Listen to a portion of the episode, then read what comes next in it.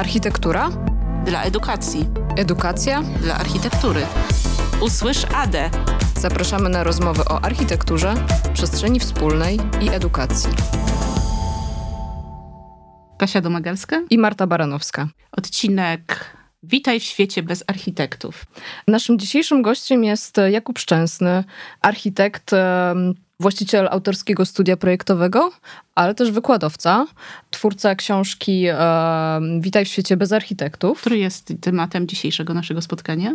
I też e, jest e, nasz gość tutaj, też jest e, chyba poniekąd edukatorem, gdyż prowadzi spotkania, zajęcia, z, rozmawia z, z młodymi ludźmi o architekturze. I dzisiaj chyba porozmawiamy o tym, w jaki sposób rozmawiać o architekturze i w jaki sposób architekci mogą rozmawiać o architekturze i w ogóle czy warto o tej architekturze rozmawiać. Zatem zapraszamy. Zapraszamy. I witamy. Witajcie. E, no, o architekturze to chyba warto rozmawiać. E, zawsze warto rozmawiać, prawda? Tym bardziej, że możemy mieć różne wyobrażenia o różnych rzeczach, możemy mieć e, też duże dziury w pamięci, możemy w ogóle nie wiedzieć o różnych rzeczach, więc przynosimy do stołu bardzo dużo informacji, którymi możemy się wymieniać. Ja chyba bym zaczęła od tego w ogóle, co dla ciebie znaczy słowo architektura i czy to słowo jest w ogóle ważne w słowniku takim no, w słowniku polskim może w ogóle. Czy powinno to słowo być obecne i powinniśmy się z tym słowem obcować od najmłodszych lat? Y, jakiś czas temu wpadła mi y, w rękę książka zawierająca felietony Adolfa Lossa. Oczywiście te też najbardziej znane, związane z różnymi grzechami detalu, natomiast, y, czy dekoracji. Natomiast w którymś momencie tam pada taki zestaw zdań, a mówimy o przełomie XIX i XX wieku, gdzie Los mówi, że uważa, że architektura powinna się pojawić w kurikulum już przedszkola i że od najwcześniejszych lat powinniśmy być edukowani. Może też dwa słowa powiedzmy, kim był los i dlaczego on też taki jest istotny, może nie tyle w teorii architektury, co no w świecie, w którym żyjemy, prawda? Bo jednak miał istotny wpływ na to, w jaki sposób dzisiaj odbieramy budynki, architekturę.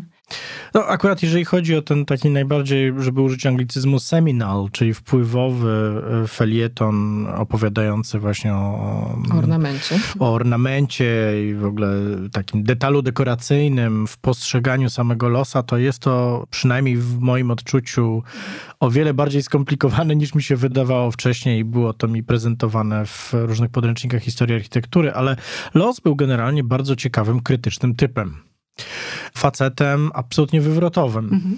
I w związku z tym z jednej strony budował rzeszę e, ludzi, którzy go chętnie słuchali, chociażby po to, żeby się z nim pokłócić, ale też wielu się z nim zgadzało. Natomiast oczywiście też budował bardzo duże portfolio wrogów.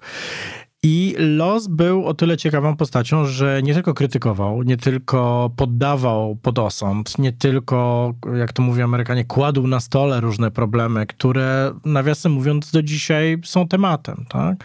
Ale również był praktykującym architektem i robił rzeczy, które same w sobie były bardzo często szokujące dla e, nie tylko Wiedeńczyków e, tamtego okresu, bo działał z Wiednia, ale również generalnie dla międzynarodowej, głównie europejskiej, ale też amerykańskiej sceny architektonicznej. Także była to niewątpliwie postać bardzo wpływowa, ale nie był to człowiek, który, żeby to kolokwialnie ująć, przyklepywał jakiś status quo. Mhm. I miał bardzo szerokie zainteresowania. Y, jeden z moich ulubionych jego felietonów opowiada o tym, jak powinna wyglądać samowystarczalność rodziny, gospodarstwa domowego klasy pracującej, gdyby starać się wytworzyć środowisko, w którym nie tylko mówimy o domu dla proletariusza i jego rodziny, ale również o wielkości terenu na którym powinien znajdować się pełen ogród e, produkcyjny e, z taką i śmaką właśnie produkcją od owoców i warzyw po no, wszelkiego rodzaju e, przestrzenie dla, nie wiem, kurcząt chociażby. Mm, tak? Tu już trochę zahaczamy o twoją książkę, wydaje mi się, od, która w dużym stopniu no, poddaje też takiej no trochę pod włos bierzesz pojęcie architektury, prawda? Gdzie właśnie ta samoregulacja czy samoorganizacja przez człowieka swojej przestrzeni dla ciebie jest bardzo znacząca. Więc w jaki sposób właśnie ty to słowo architektura jako architekt i praktykujący, ale też no, gdzieś dający do myślenia, e, dużo w piszący architekturze również. W jaki sposób dla ciebie to słowo architektura, co takiego, co takiego znaczy w swojej pracy właśnie takiego praktyka architekta? No i być może też e, biorąc pod uwagę ten przykład, który podałeś, Ilosa, czyli przełom XIX-XX wieku, jak to się zmieniło przez te ponad 100 lat, tak? Mhm. Czy w jaki sposób się zmieniło? To jest bardzo skomplikowana kwestia. Trudne pytanie i jeszcze trudniejsza i długa odpowiedź, dlatego że prawdopodobnie wiele rzeczy się zupełnie nie zmieniły. Niektóre kwestie zanikły zupełnie. Chociażby w dyskursie Losa bardzo dużo pojawia się tematu gustu drobnomieszczańskiego. Tak? Mówimy o takim momencie wzbogacania się pewnej klasy, y, kształtowania się pewnej klasy średniej, akurat w habsburskiej Europie. Natomiast y, myślę, że to już nie jest dzisiaj tematem. Natomiast to, co chyba dla mnie jest ważne, to w ogóle rozmowa na temat piękna gdzie jest miejsce tego piękna. Czasami śledzę dyskusje kolegów i koleżanek na Facebooku. Na przykład ostatnio taką dyskusję dotyczącą betonozy i różnych nowych placów w Polsce, gdzie doszło do ciekawego starcia pomiędzy architektem z mojego pokolenia, twórcą jednego z takich placów, który bardzo bronił tematu estetyki i ta estetyka, harmonia i tak dalej były niezwykle ważne, natomiast jednocześnie zrobił coś, co z punktu widzenia naszej świadomości dzisiaj, parę lat później raptem, jest e, no, rzeczą niespełniającą takich bardzo podstawowych e, kwestii ekologicznych, tak? chociażby związanych z tym, żeby nie przegrzewać miast, a zwłaszcza przestrzeni publicznych. No i tutaj e, te argumenty, które się spotykały, były bardzo ciekawe, ale często zupełnie strzelały w kulą w płot albo w ogóle w zupełnie inne tablice. I wydaje mi się, że podstawowym tematem dzisiaj jest w ogóle rozmowa nad piękna. Co to jest piękno dzisiaj, tak? Jeżeli zastanowimy się, dlaczego pewna tancerka kilka miesięcy temu y, zaatakowała w mediach y, cały ten trend do takiego permisywnego traktowania ciała powiedzenia, że nie musimy się już e, bać tego, że odstajemy jako ludzie, pewnie ta presja jest większa na kobietach, że odstajemy od jakichś kanonów piękna, w związku z tym nie bójmy się naszych Michelinów, naszych rozstępów, e, czy nie wiem, asymetrii twarzy, na co owa kobieta broniąc całego tego kanonu, który stał za nią, za całą jej karierą prawdopodobnie tancerki, powiedziała, że jest to karygodne, no, że jest to nagle świat brzydoty, który szerokimi drzwiami wlał się w imię, nie wiem, równości, mhm. w e, humanizmu i tak dalej, do naszej cywilizacji, nie tylko do przestrzeni mediów. I w zasadzie podobne dyskusje możemy mieć na temat architektury, przy czym ja w książce, a propos której się dzisiaj spotkaliśmy, też często poruszam ten temat, bo z drugiej strony mam wrażenie, że jako że żyjemy w społeczeństwie kapitalistycznym, no, bardzo mocno padliśmy ofiarą też pewnej nobilitacji piękna, rozumianego jako towar. Mhm. I w związku z tym wszystko to, czego nie rozumiemy, a co na pierwszy rzut oka nie spełnia naszych wymagań, akurat w danym momencie funkcjonujących, bo nawiasem Może mówiąc... standardów, pod... Tak, bo podlegamy też modom, jeżeli chodzi o ocenę piękna. To wszystko to automatycznie jest jakby wyrzucone poza nawias, tak? Nie chcemy tego widzieć. Albo po prostu uznajemy to za niewarte uwagi. Tymczasem bardzo wiele ciekawych fenomenów architektonicznych wynika z ciekawego kontekstu, zwłaszcza społecznego, bo jednak cokolwiek robimy, jakąkolwiek cegłę na cegle położymy, robimy to dla człowieka.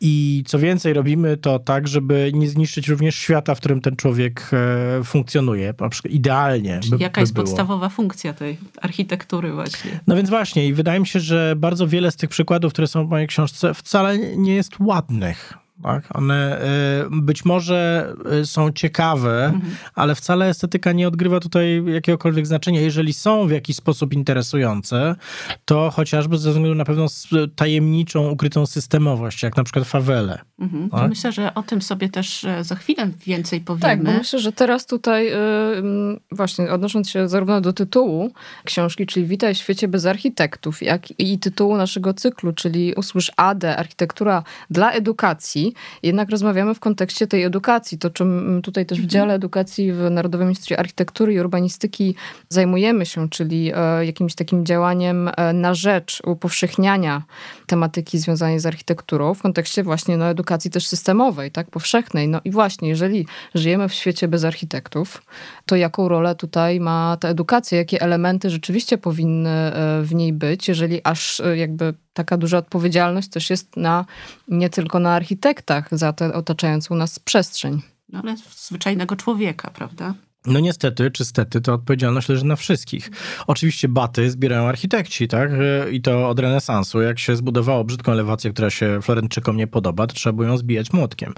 Natomiast e, niestety odpowiedzialność jest e, na wszystkich, zaczynając przede wszystkim od administratorów przestrzeni. Tak? Jeżeli ktoś popełnia absolutnie karygodny błąd, jakim jest e, plac w Kutnie, no to nie jest to li tylko problem architektów, którzy wygrali konkurs i zrealizowali na bazie tego konkursu rzecz, której przyklasnęły e, władze, e, rzecz, która była przecież uświęcona tym, czego chciały władze. Co więcej, była uświęcona chęcią mieszkańców, którzy się wypowiedzieli na temat tego placu długo wcześniej, dając w ramach e, społecznego głosu swoje zdanie na temat tego, jak bardzo chcą mieć tam parking. Tak? Więc słowem, w wielkim nieporozumieniu, jakim jest betonoza e, skutna, widzimy nie tylko tingle-tangle różnych tajemniczych e, e, społecznych interakcji pomiędzy przynajmniej trzema graczami. Można jeszcze tutaj dorzucić członków jury, w tym przecież architektów i profesorów Politechniki Łódzkiej, ale przede wszystkim widzimy, że jest to sytuacja dynamiczna, bo nagle świadomość ludzi się zmieniła i nagle się okazało, że te władze pytały o to, co tam miałoby się zadziać ileś lat wcześniej. A tych ileś lat później... Czyli e, jakby e, wynika ta świadomość też e, z potrzeby, prawda? Czyli tu wracamy do komunikacji pomiędzy architektem, a tym społeczeństwem, dla po którego... Po pierwsze pomiędzy władzami a społeczeństwem. Bo to władze piszą warunki konkursu. To władze piszą warunki przetargu. To władze zapraszają odpowiednie jury. Architekt odpowiada mhm. w wypadku konkursu na to, co jest w tym konkursie w jego warunkach napisane. Więc jeżeli robi rzecz głupią, już pomijam jakby poziom krytycyzmu tego architekta, ale jeżeli ją robi w zgodzie mhm. z zasadami konkursu, no to do kogo mamy mieć pretensje? Do architekta, czy do tych, którzy ten konkurs napisali? I na bazie czego ten konkurs napisali? No i tu jest jeszcze jedna rzecz. Przestrzeń publiczna, przestrzeń większa niż jeden budynek, to są długotrwałe procesy, o wiele bardziej skomplikowane niż i tak niezwykle trudny proces, jakim jest postawienie jednego budynku. To są procesy, w których mówimy o dekadach, tak? O dekadach nie tylko realizacji, na przykład, nie wiem, e, jakiegoś planu miejscowego, ale również o dekadach istnienia i konsekwencji. No bo czy ktoś teraz przyjdzie i zburzy no przestrzeń... parking, który powstał na środku placu? Nie, nie zrobi tego. Tak ci ludzie będą z tym żyli. Będą żyli z placem, który nagrzewa się jak 150, na którym się nie chce siedzieć, kiedy y, jest słońce, bo po prostu nie ma cienia, tak? Bo wycięte zostały drzewa wzdłuż placu i tak dalej, i tak dalej. Słowem, architektura i e, projektowanie czegokolwiek, również w skali urbanistycznej, niestety podlega również e, zmiennej czasowej, a ta zmienna wpływa też na świadomość społeczną, no bo no ta zmienność czasowa jest ba bardzo istotna no w ogóle w projektowaniu. Właśnie chciałam zapytać też, przepraszam, o to mhm. tutaj pojawiło się słowo edukujemy i czy remedium właśnie na ten proces, który tutaj zarysowałeś, no właśnie jest ta edukacja i jak ona powinna wyglądać. Czy tak? edukacja, czy takie budzenie świadomości, tak. czy wrażliwości. Ale, ale, być może ty inaczej to definiujesz, tak? Czy w innym no obszarze. No pamiętajmy tak? też, że nawet jeżeli powiemy ludziom, co jest ładne, a co brzydkie, albo powiemy im, jak zobaczyć, czy coś jest ładne, czy coś jest brzydkie, albo jak zrozumieć, czy coś jest e, dobrze odpowiadające na ich zapotrzebowanie, mhm. no to y, tu jest jeszcze masa innych problemów. Jak określić to zapotrzebowanie? I wracamy też do pojęcia, co znaczy ładnie, co znaczy ta estetyka w rozumieniu no właśnie, czyli to piękno, tak? architekta, tak? tak, czy w tak. rozumieniu też no, takiego odbioru społecznego. No, to, to jest chyba też kwestia takiej ogólnej kultury społeczeństwa, mhm. której właśnie moglibyśmy się chcieć dopatrywać, jeżeli chodzi o edukację, już na wczesnym etapie edukowania nas, mhm. tego, żeby po prostu podnieść poziom produkcji estetycznej dowolnych rzeczy. Nie mówię tylko o designerach i architektach, ale chociażby tego, jak sobie, nie wiem, ikebanę w domu układamy, tak? Czy jak sobie dobieramy mebelki e, w mhm. naszym mieszkaniu. Że to wszystko nie bez kozery jest podłączone pod jakąś świadomość społeczną. Nie bez kozery inaczej dzieje się to w Finlandii czy Japonii, gdzie mamy bardzo wysoką kulturę e, materialną, nawet przy niskich budżetach. No i z czego ta kultura wynika? Też może też znowu tutaj ja też do tej edukacji powrócę. Czy zatem to słowo, od którego zaczęliśmy, słowo architektura, czy to słowo już powinno się pojawiać w szkole, może w przedszkolu, i czy to budzenie tej świadomości, czy edukowanie tego młodego, małego nawet człowieka w zakresie estetyki i w rozumieniu tej estetyki właśnie w taki sposób, o którym mówisz, twoim zdaniem powinno już e, istnieć? Od, właściwie od jakiego wieku uważasz, że powinniśmy obcować z, ze słowem architektura i czy to słowo powinno być, e, nie być obce po prostu dla, e, dla nas? Odpowiem tak. W jednej z warszawskich prywatnych podstawówek e, w piątki daje eksperymentalny kurs architektury dla siedmioklasistów, który jest pewną trawestacją programu nowego Wydziału Architektury, który się póki co pod wpływem różnych zmian politycznych nie zadzieje na SWPS-ie, czy w ramach School of Form, który to pisaliśmy większą grupą z poruczenia Maćka Siudy. I w tym programie ja uczę przede wszystkim pewnego kontekstualizmu i zrozumienia systemów. Estetykę wkładam do tego procesu, ale jako rzecz wtórną. Nie uczę liniowego postrzegania rzeczywistości, w szczególności historii. Nie opowiadam Wtedy był taki styl, potem był taki styl, czyli w skrócie tak jak mnie uczono, aż do bólu, tak? Łącznie z zapamiętywaniem. Mój 18-letni syn właśnie ma historię sztuki e, w liceum w Warszawie i jest dokładnie I tak samo uczony. się uczy, tak? Absolutnie, więc e, i zapamiętuje beznadziejnie, po prostu musi wykuć rzuty kościołów, które zapomni zaraz potem, tak? No, więc jest to wielka strata czasu w takim jakimś humboldtowskim, XIX-wiecznym podejściu w ogóle do uczenia i totalny anachronizm. Na zajęciach, które, czy w ramach zajęć, które ja prowadzę, przede wszystkim uczę dzieciaków właśnie tego, że jest cały zestaw zmiennych z różnych sektorów, z różnych wymiarów rzeczywistości, które wpływają na to, czym jest świat zbudowany. Mhm. Czyli wchodzimy też w, znowu w taką geografię, I w relacje, prawda? tak? No, bardzo wiele rzeczy. No, przede wszystkim socjologię. To, mhm. to jest e, socjologia, ale też kulturę, no bo e, te dwie rzeczy się najmocniej zazębiają, plus klimat. Tak? No I oczywiście zaraz idzie ekonomia, e, makro, mikroekonomia i tak dalej. Tego jest bardzo dużo, no ale żeby dać wam trochę obraz, na przykład kiedy mówię o Crystal Palace, tak, i o y, generalnie fenomenie bardzo lekkich budynków, bardzo przeszklonych, to opowiadam o wspaniałym momencie wymyślenia iluś do dzisiaj funkcjonujących wynalazków, które właśnie na owej wystawie światowej się pokazały. I opowiadam o niebywałym geniuszu Paxtona tak? O, to, o całej jego karierze, od bycia pomocnikiem ogrodnika do e, bycia jednym z najbardziej genialnych architektów, konstruktorów bez żadnego formalnego wykształcenia, a propos mojej książki. Mhm.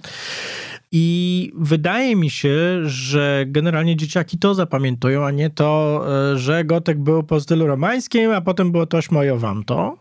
Na to jeszcze będą mieli czas. Natomiast ja chciałbym, żeby oni zrozumieli, że to, że w Warszawie jest kanalizacja, zawdzięczamy wielkiemu smrodowi w Londynie trzy lata przed wystawą światową. No tak, że nie jesteśmy tą wyspą, na której żyjemy, tylko że tak, te, te no światy to, że się Lindley, dzieją. ojciec i syn pojawili się tutaj, przenosząc swoje biuro z Londynu do Frankfurtu, to dlatego, że zaczęli mieć zamówienia w całej Europie i że właśnie dlatego my jesteśmy jednym z kilku pierwszych miast, które obsłużyli. Tak? I w związku z tym rzeczy, które dla nich są oczywiste, zawdzięczamy całemu zestawowi zmiennych, tak? No właśnie chciałam zwrócić uwagę na to, że teraz jak nasycasz, że tak powiem, to pojęcie, to pytanie o to, czym jest ta architektura, które Kasia zadała, to ani razu, wydaje mi się, nie padło słowo architektura. I y, wydaje mi się, że też my tutaj w tym naszym podejściu do edukacji tak naprawdę, i to, ale pojawiło się pojęcie środowisko, tak? Czasami też nazywamy e, edukację architektoniczną edukacją o przestrzeni, czy też edukacją środowiskową. No, słowo przestrzeń I się właściwie pojawia tak jak też słucham ten e, zarys programu, który powiedziałeś, tak, to, to właściwie najistotniejsze jest to nie samo słowo architektura, tylko właściwie te relacje, które ona opisuje, tak? I no, właściwie... które stwarza, prawda? No. Znaczy one się gdzieś tam spotykają w czymś, co w końcu nazywamy tą architekturą, przy czym ona jest jak guma do rzucia, bo rzeczywiście można poszerzać i zwężać to. E, można się skupić na opowieści o ładnej elewacji. Zresztą widzimy to w kolejnych e, e, rysach kuratorskich, na przykład na Biennale w Wenecji tak? gdzie mamy lata, kiedy pojawia się kurator, który mówi, że mamy rozmawiać o pięknie, proporcjach i tym podobnych kwestiach i olać wszystko to, co tak naprawdę dla mnie jest ważne, czyli przede wszystkim właśnie świat problemów społecznych i klimatycznych a więc tych rzeczy, które moim zdaniem najsilniej będą kształtować naszą przyszłość. I nie będzie to piękno, bynajmniej. Będzie to problem nierówności społecznej, będzie to problem nadpopulacji w jednych miejscach no, i depopulacji to, to, te problemy, w innych. No, i tak dalej, te, tak dalej. problemy istnieją, prawda? Pytanie... I one, one już nas łapią. Tak? One łapią, są czy, drzwi. No, mm. No i pytanie, czy architektura jakoś tam odpowiada już w tym momencie na te problemy, które, które są w świecie i czy, czy odpowiada tylko tak. w teorii, czy również w praktyce. Znaczy, jeżeli mówimy o architekturze deweloperskiej, to nie odpowiada, bo ona jest bardzo często w ogóle odklejona od tego, co jest przyszłością. Deweloper ma za zadanie w swojej głowie jako nieodrodne dziecko amerykańskiej praktyki, bo praktyka deweloperska jest tak naprawdę projekcją cywilizacji amerykańskiej, jak najszybciej, jak najtaniej zdobyć grunt, zbudować i się tego pozbyć. Tak? ma absolutnie gdzieś konsekwencje. Mhm.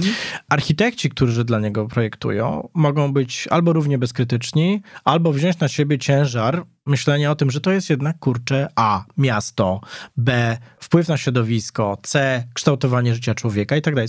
Wszystko to, co dewelopera nie interesuje, bo jego interesuje cash i to, żeby jeździć fajną mhm. furą. No ale też tak? Ludzie mogą domagać się, prawda, w tej no i... jakości architektury, w której żyją. Ale Czyli... to jest ta ręka rynku, tak? Czyli w, w kategoriach liberalnych myśląc, to jest ta regulująca ręka rynku, w której nagle ileś decyzji deweloperów może zostać zostać nagle podważonych, czy takich decyzji programowych, decyzji co do wydawania pieniędzy, może zostać podważonych przez wolę na przykład grup mieszkańców, tak. którzy się organizują przeciwko a to deweloperowi, a to, nie wiem, administratorowi budynku. No, y, mieliśmy ileś takich kazusów na przykład w miasteczku Wilanów tak? gdzie nagle zobaczyliśmy, że te, te grupy mieszkańców mają naprawdę duży wpływ na rzeczywistość. No i mają może dużo też do powiedzenia, prawda? Jednak to zdanie się gdzieś liczy. Ale też, żeby ta świadomość tych mieszkańców była, to wydaje mi się, że jednak ten krok wstecz trzeba uczynić o tej architekturze z młodszymi ludźmi rozmawiać. Tak jak na wstępie swojej książki piszesz, tą książkę też dedykujesz swojemu synowi, który rozumiem jest nastolatkiem. I też pytanie właśnie, może tutaj też już powrócimy do książki. Tak naprawdę jak tą książkę pisałeś, to myślałeś o kim? Że kto będzie odbiorcą głównym tej książki. Myślałem o zajawionych, jak to się ładnie mówi, nastolatkach, ponieważ mhm. okazuje się, że ta grupa jest coraz znaczy, większa. kogo zapraszasz do tego świata bez architektów? Rozumiem, że to jest trochę przekornie. Tak, w ogóle tytuł, tytuł, tytuł, jest przekorny, bo tak naprawdę jest to świat pełen architektów. Tak. tak. Przy czym mówimy o architekturach wernakularnych, a więc to, co osobom nieznającym tego terminu, może szybko wytłumaczę, mhm. jest przestrzeniami zbudowanymi, nie tylko budynkami, projektowanymi, budowanymi, budowanymi i używanymi przez ludzi bez formalnego akademickiego wykształcenia architektonicznego. To jest bardzo szerokie pojęcie, ale pamiętajmy, że w tym pojęciu mieszczą się i wykształceni cieśle, murarze, i rolnik e, z dalekich przedmieść São Paulo, który przejął e, wraz z 67 rodzinami e, stary hotel w centrum miasta i na figurze uczył się, jak go przerobić na również swoje mieszkanie. Tak? Opowiadam też o fenomenach współczesnych, nie tylko sprzed rewolucji przemysłowej.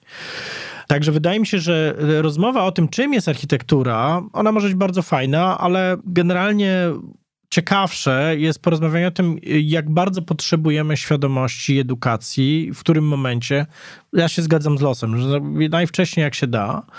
E, oczywiście pytanie o środki. I inaczej trzeba mówić do e, siedmioklasisty, inaczej trzeba mówić do piętnastolatka. Natomiast co ciekawe, rzeczywiście zwiększa się grupa młodych ludzi zainteresowanych e, generalnie światem projektowania. To nie jest tylko architektura. Natomiast e, coraz częściej ci ludzie lgną do różnych instytucji, szukając informacji właśnie edukacji, czegoś, co będzie jakoś merytorycznie złapane w jakieś ramy, ale co będzie dostosowane do tego, co oni w danym momencie mają. To no może też chcą mieć e, wpływ na tą przestrzeń, w której mieszkają, no, żyją, zawsze więc poprzez to projektowanie starny, tak. E, no i wiedzę mamy, najpierw, tak? Jakby, czy... Mamy wpływ. A jeśli mówisz o wiedzy, to znowu to, co jest istotne w twojej książce, to też, że nie uciekasz od przeszłości i uważasz, że ta przeszłość jednak jest czymś istotnym, czyli też posiadanie tej wiedzy o tym, co było, prawda? Czyli korzystanie z tego dorobku. E, chyba niekoniecznie chronologicznie, prawda? Ale... Nie, dlatego, że też e, ja w ogóle nie postrzegam historii chronologicznie, mm. dlatego, że jest zbyt tak. dużo takich, e, nie wiem, interlooping, takich momentów, gdzie się spotykają różne tendencje, one są poprzesuwane w czasie. Natomiast tak, no, wydaje mi się, że w ogóle za tym wszystkim jest sprawczość. Znaczy, mm -hmm. ludzie chcą być sprawczy i chcą być nimi coraz bardziej. I coraz bardziej widzimy taką rozbieżność, dyskrepancję pomiędzy tymi, którzy są bierni, chcą być tylko konsumentami, tymi, którzy chcą być albo świadomymi konsumentami, albo wręcz tymi, którzy kształtują rzeczywistość, w której funkcjonują, zaczynając od przemeblowania własnego pokoju. To, co ja zauważyłam też w Twojej książce, to to, że człowiek dla Ciebie jest najważniejszy, jeśli chodzi o świat, w którym żyjemy, ten świat czy z bez architektów, czy z architektami, ale na pewno z architekturą, która nas otacza. No i może takie dwa słowa, które no, tak uważam, że chyba e, są dla ciebie gdzieś znaczące, to ta samoorganizacja tej przestrzeni, i e, reorganizacja, czyli to, co, w jaki sposób człowiek może wpływać na, na tą przestrzeń samemu ją sobie organizując, albo to, co zostało mu narzucone i tak próbując dostosować do swoich własnych potrzeb. No i też takie może e, pytanie, w jaki sposób właściwie ci młodzi ludzie mogą skorzystać z tych przykładów, które podajesz w książce. I być może jeszcze e, tutaj dopytam, jaki był klucz tak naprawdę doboru tych, e, bo to są takie, może być przypadki ze świata różne, Albo tak? Z różnych czasów, mm -hmm. tak? Jakby Dokładnie. Jest, jest, jakiś konkretny pomysł tutaj na strukturę w ogóle tej książki. Jaki, jaki był klucz tak naprawdę doboru? Klucz doboru, żeby mhm. zacząć od e, tego pytania, wynikał z tego, że po prostu rzeczy mi się podobały. Mhm. Tak, że coś mnie interesowało. Ja generalnie jestem ofiarą i szczęśliwcem zarazem w tym życiu, ponieważ mhm. staram się nie robić rzeczy, które mnie nie interesują. I to również dotyczy pisania. W związku z tym piszę o przykładach, które po prostu mnie zafrapowały. Czy to będą amerykańscy shakersi, w których wiosce byłem w Kentucky, czy to będzie Kazba, znowu też z, z, moją biografią połączona rzecz z dzieciństwem. Czy to będą rzeczy, których nie zobaczyłem, a które chcę zobaczyć. Tak? A czy, czy coś moglibyśmy więcej o shakersach na przykład usłyszeć? To zaraz opowiem o shakersach, to jest bardzo fajny motyw. E, zresztą piszę drugą książkę w tej chwili e, punktem wyjścia właśnie są shakersi, ale jeszcze a propos punktu wyjścia. Tak, człowiek jest najważniejszy i ta interdyscyplinarność, ale również spojrzenie na przeszłość jako zagłębie różnych wiedz i akumulacji wiedzy, z których można wyskrobać różne ciekawe rzeczy dla nas na przyszłość, nie odcinać tego grubo modernistyczną kreską, to jest myśl Bernarda Rudowskiego, która stała za jego legendarną wystawą z 1963 roku z Muzeum Sztuki Nowoczesnej w Nowym Jorku, czyli Architecture Without Architects, architektura bez architektów i stąd też zresztą tytuł, tak? Mm -hmm. Gdzie y, po raz pierwszy ten człowiek wielu talentów, o którego ja istnieniu w ogóle dowiedziałem się poprzez jego sandały, gdzie ten człowiek wielu talentów pokazał ludziom w ogóle, nie tylko architektom, ludziom, którzy przyszli na wystawę w Nowym Jorku, że jest ileś motywów w przeszłości, ileś właśnie bardzo organicznie zgromadzonych wiedz wynikających z życia w danym miejscu, które należy użyć w przyszłości i których nie należy zapomnieć. Po prostu. Rudowski, nie wiem czy znacie tą historyjkę, to jest postać szczególnie interesująca dla mnie. Jest taki powiedzmy role model. Ja nie miałem żadnych mistrzów. Niestety nie, nie trafiłem na takie postaci. Miałem takie postaci, które budziły moje silne kontrowersje, chociażby jak Stefan Kuryłowicz, który z jednej strony był absolutnie fascynującą postacią, z drugiej strony był dla mnie kwintesencją takiego neoliberalnego, polskiego, bezwzględnego architekta lat 90 90. Uwielbiałem z nim dyskutować. Natomiast e, no, po prostu nie miałem jednoznacznie kogoś, o kim bym powiedział, że jest takim wzorcem. I dopiero natrafiłem na Bernarda Rudowskiego i anegdotkę o tym, jak wpadł na pomysł biznesu, który spowodował, że stał się dość zamożnym człowiekiem i mógł się przenieść do Hiszpanii. Mianowicie w czasie wykładu w 40 którymś roku w Black Mountain College, czyli takiej legendarnej szkole awangardowej, zawiesił głos i studenci zapytali, co się stało, myśląc, że może ma akurat wylew albo coś, a on powiedział, nie, właśnie wpadłem na pomysł sandałów dla mojej żony. I okazało się, że te sandały, na bazie których zbudował biznes, a potem sprzedał, były bardzo dużym kawałkiem jego życia. Tak?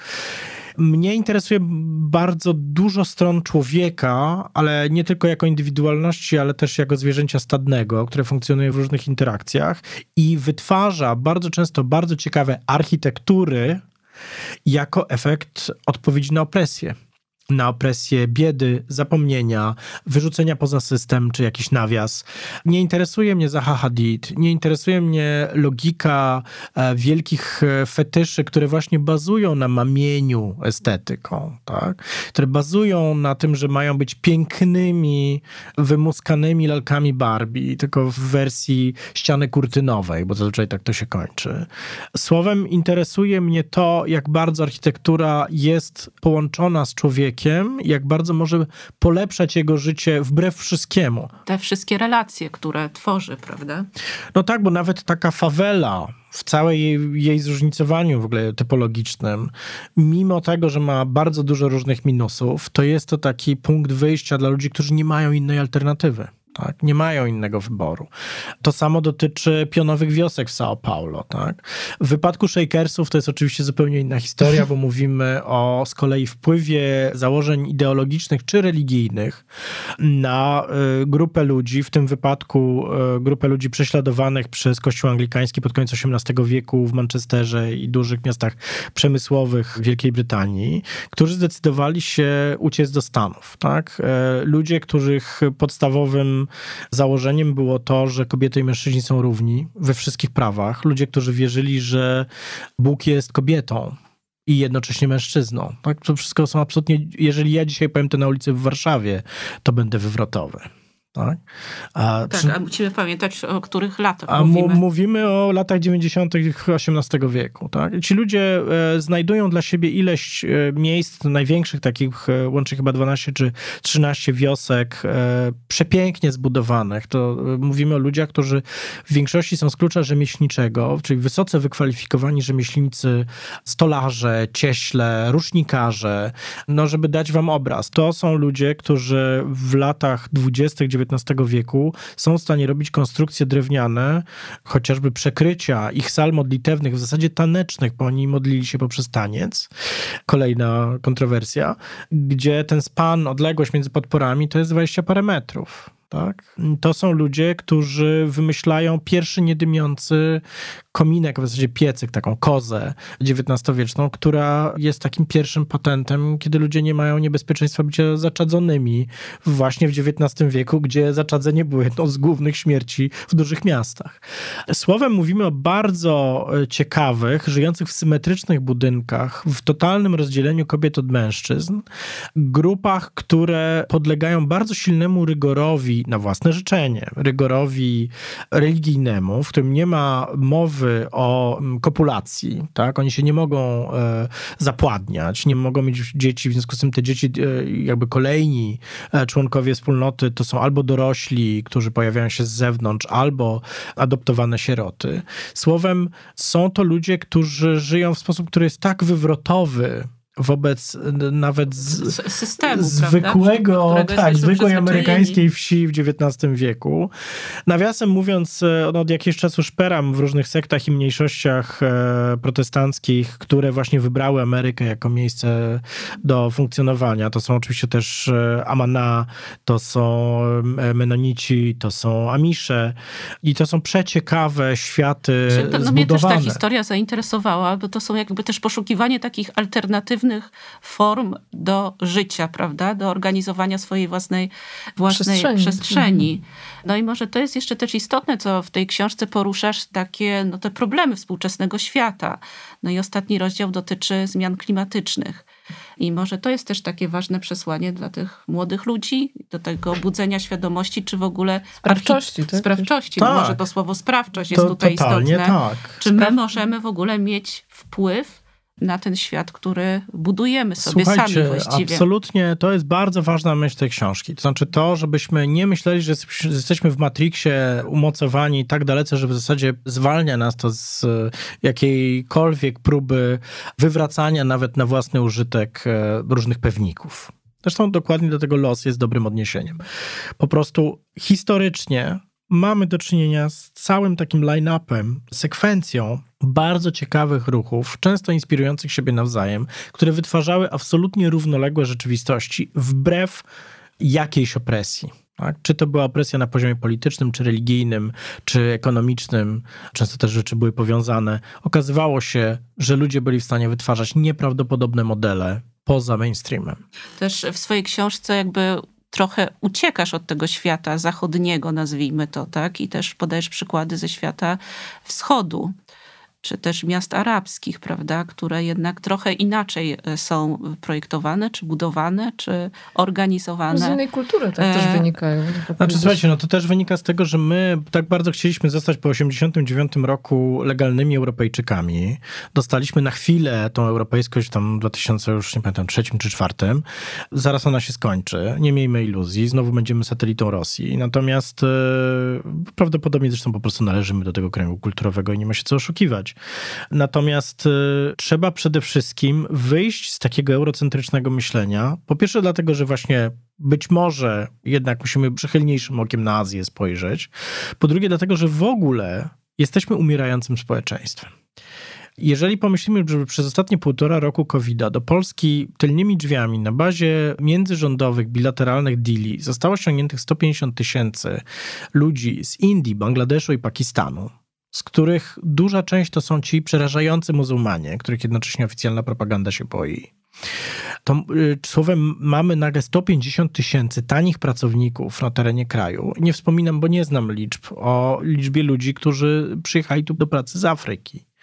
Tak? Słowem, w społeczeństwie, które jeżeli chodzi o mniejsze miejscowości ma depopulację 3,2 rocznie, tak? czyli tylko pięć dużych miast w Polsce zyskuje nowych mieszkańców, wysysając mieszkańców z mniejszych miejscowości, które te miejscowości też również tracą tych mieszkańców z powodu otwartego rynku europejskiego.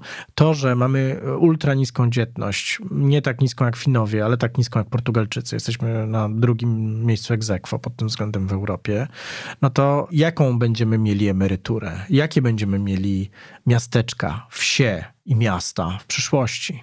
Tak? Te miasta będą potrzebowały ludzi z zewnątrz i oni nie będą tylko Ukraińcami, Białorusinami.